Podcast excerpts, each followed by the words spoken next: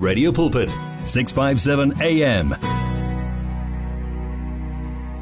Share our passion for life on 657 AM 657 AM Asitholeke la usisikhetiwe kethiwe Hi sisibahle unjani? Sis? Ngiyaphila ngiyaphila kakhulu. Wena unjani? Hayi ngiyaphila. Umbuso usangcinile. Amen. Yes always mozongena emoyeni. Ngiyayithanda le energy yakho. Hayi and isayona uma ngithula la emhlabeni wayicisha nje impela. yeah yeah mhm ngibona lo muntu yazi one confidence Ayiyo. Angibenzeli ke le confidence ngoba ningi bathi wenza njani wenza Yeah, aha. kanjani? Ngithi hayi cha un- iningi layo le confidence le uNkulunkulu wayithula nje khona okunye sokuyi addition nje. That's why ngisiza ngoba nje kahle hle ngiphila into engiyizeli la emhlabeni kusiza abantu ngeconfidence. Yeah and kuyinto enhle ukhulume into oyiphilayo eh, ngoba phela umuzo khuluma lokho bese ke okwenzayo ku opposite kunaloko uzosiconfuse uyabona sesingagcina Ngempela. manje singazi ukuthi okay kana ukhethiwe lo ubani kahle hle uyabona manje ufundisa abantu ngokuba ne confidence and ngiyakubona nawe ungumuntu nje o- o- yazini o- ogcwele le confidence. Ngiyakwamukela nakule ntambama siyabonga ukuthi usinikeze isikhathi sakho usiphatheleni kulo kule ntambama Ngiyabonga kakhulu sisibahle ukuthi ningimeme futhi ngibingele nabalaleli emakhaya. Ngizazise nje phambi kokuthi ngiqhubekele phambili. Umarketing i-confidence coach kusho ukuthi umsebenzi wami ukusiza nje ukuthi ukhuleke ube nguwe noma ngabe ukuphi noma ngabe unobani. Yeah. indaba engiza nayo ke namhlanje sisibahle indaba yokuthi wenza kanjani ukuthi uzithande wena kuqala? Right? Kodwa before ngikhuluma indaba yokuthi wenza kanjani ukuthi uzithande wena kuqala masikhuluma ukuthi kungani kubalekile yeah. Kubalekile ukuthi uzithande kuqala ngoba kungumthetho wesibili obaleke kakhulu angithi ukudlula lo wokuqala esiwaziyo ukuthi uthanda uNkulunkulu. Ngakho konke Yeah. okuwe mhm owesibili uthi yenza njalo ke manje ubusuyenza njani? Uthanda umakhelwane njengoba nawe uzithanda. Uyithanda. So, yes kusho ukuthi ukuzithanda wena kuqala kubaleke ngoba ungeze uphumelele ukuthanda umakhelwane uma ingaqalanga kuwe indaba. Right? Okay silande emuva ke manje. Sengizochaza ukuthi uwenza ngani ukuthi uzithande wena kuqala? Esikhathini esiningi singabantu sithola si- sihluleka noma sidonsa kanzima uma sicabanga indaba yokuzithanda.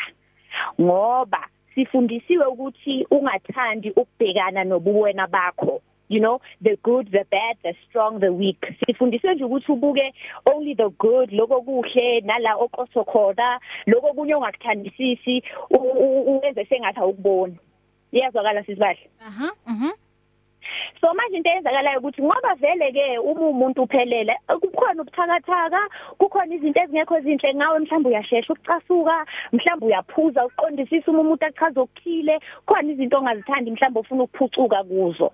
Manje into esiyenzayo ngoba sifuna lokho kuhle kodwa ukuthi senza kathi lezi ezinye azikho azikho kusho ukuthi asizithandi. Yeah. Ngoba uma ngizovuma just one shade of myself le enye ngayamkeli kusho khona ukuthi angizithandi. So manje iqala kanjani indaba yokuthi uzithanda? Iqala ngokuthi uzamukele. Ukuthi okay makhethi wena ke when it comes to ukukhuluma nabantu ukuhlangabezana nabantu kokuqala ukubatshela ukuthi impilo ingaqhubeka inkosi ihlali basiza njalo i-strength sakho. Kodwa wena makhethi akusona i-strength sakho ukuthi u- u- u- ufundise ingane. Uyabona? Bese kuthi ngibheke njengecala noma iphutha leyo nto le ngibheke ukuthi okay ngiyafuna na ukuphucuka ngikwazi ukufundisa ingane? Noma cha. Kodwa ngiyayamukela ukuthi it's part of me. Uma ngiyamukela all parts of me kusho ukuthi ngiyazithanda and ngenza njani ke lapho sibuyela futhi kuNkulunkulu? Uma ukwazi ukuzithanda wena fully kusho ukuthi uzokwazi ukuzivula kuNkulunkulu uthi baba ufunani kimi? Kuzoba lula ke uma usufunda izwi lakhe. For example ibhalwe in many parts of the the the book uh, le le le verse lengilishoyo la but likhona na ku Mark uh, 12 verse 31 uma uNkulunkulu sekathi thanda umakhela njengoba nawe uzithanda uzowazi ukuthi indaba yokuzithanda iqala kuphi iqala kanjani. Ithi ngikhulume kakhulukazi nabazali nebahle yeah. Uma ukhuluma nabazali ngendaba yokuzithanda ukuzipha isikhathi sokuthi mhlamba afunde sokuthi mhlamba akhuleke noma mhlambe aphuze itiye noma ahlale nje phansi kwesihlahla emthunzini ajabulele nje indalo kaNkuluNkulu. Umuntu omzali esikhathini esiningi uzokutshela ukuthi kanjani makhethi? Ukhuluma ngani? Usho ngoba ungenazi ingane usho ngoba ungena umyeni usho ngoba ungena inkosikazi lento eshoyo ivela kanjani? Nayi into eyenza ukuthi ukuzithanda kubaleke bahle. Uma wena ungagcwalisa ikomishi lakho lothando uma ufika kithi angithi mele useve njengengane zakho mele ungiseve njengomyeni wakho mele ungiseve njengonkosikazi yakho ungiseve as your boss at work. Kodwa uma ufika kithi ikomishi lakho lothando li empty ufika unganalutho ozonginikeza yona okusho ukuthi ufika uyisindo. Ufika uzo uzongihlukumeza. That's why ibona ubudlelwano obuningi bungekho mnandi.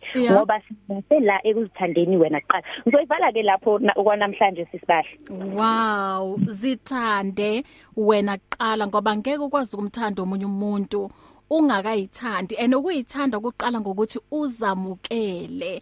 Ngoba uma ungazamukelanga mhlambe uyayibuka always on the mirror. And ubona amaphutha amaningi uzosithanda kanjani uma ungazamukeli ngendlela uNkulunkulu akudale ngayo ngendlela mhlambe okhuluma ngayo ngendlela ohamba ngayo? So kuqala ekutheni uzamukele wena. Injalo injalo. Ukuzamukela nale ndawo bo lezo bona ibithakathaka sidinga iliphucuko uma wamkela ukuthi iqiniso iphucuko uyakwazi ukuattenda kuyo uthola ukuthi usizo ngalithola kuphi. Kodwa uma uyenza ngathi ayikho leyo nto leyo iyohlezi injalo phela lokikuhlupha yep. Wow. Makhethi thank you so much ukuthi usimotivate um kulentambama ngokuthi sithande eh thina qala utholakala kuphi uMakhethi eh yeah utholakala kuphi ukhethiwe? Oh ngibonga abalaleli kakhulu. Khona abambalo nje bangithintile leviki elidlule. Ngiyabonga ukuthi ningibeke indlebe ngibonge nawe sisibahle usungimeme ngitholakala ku marketti@markettyspeakslife.com noma ungathumela uWhatsApp ku 071 448 2332 uzoyiphinda u071 448 2332 noma futhi unayo iFacebook ungaya ku markettyspeakslife.com ngihlezi ngizwa uthi ngo 3 o'clock kunezingane oba ne wenzani nalozo zingane every sunday ngo 3 akusiyingane akusiyingane. Abantu abadala nje event yabantu abadala la kukhona khona nanani ukuthi nje la ngikhona namhlanje kunezingane ezize nabazali babo bahleli ngaphandle. Okay nenzani nabazali lapho?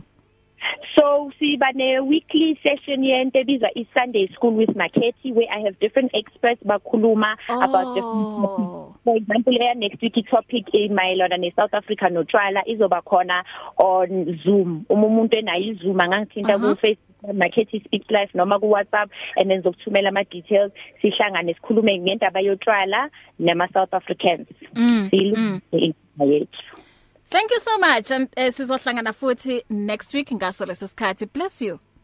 Ngiyabonga kakhulu bahle bye. If you need prayer please send your request to prayer@radiopulpit.co.za or WhatsApp 0674297564 or go to Radio Pulpit website on www.radiopulpit.co.za Give your faith wings. Explore life with 657 AM. 657 AM.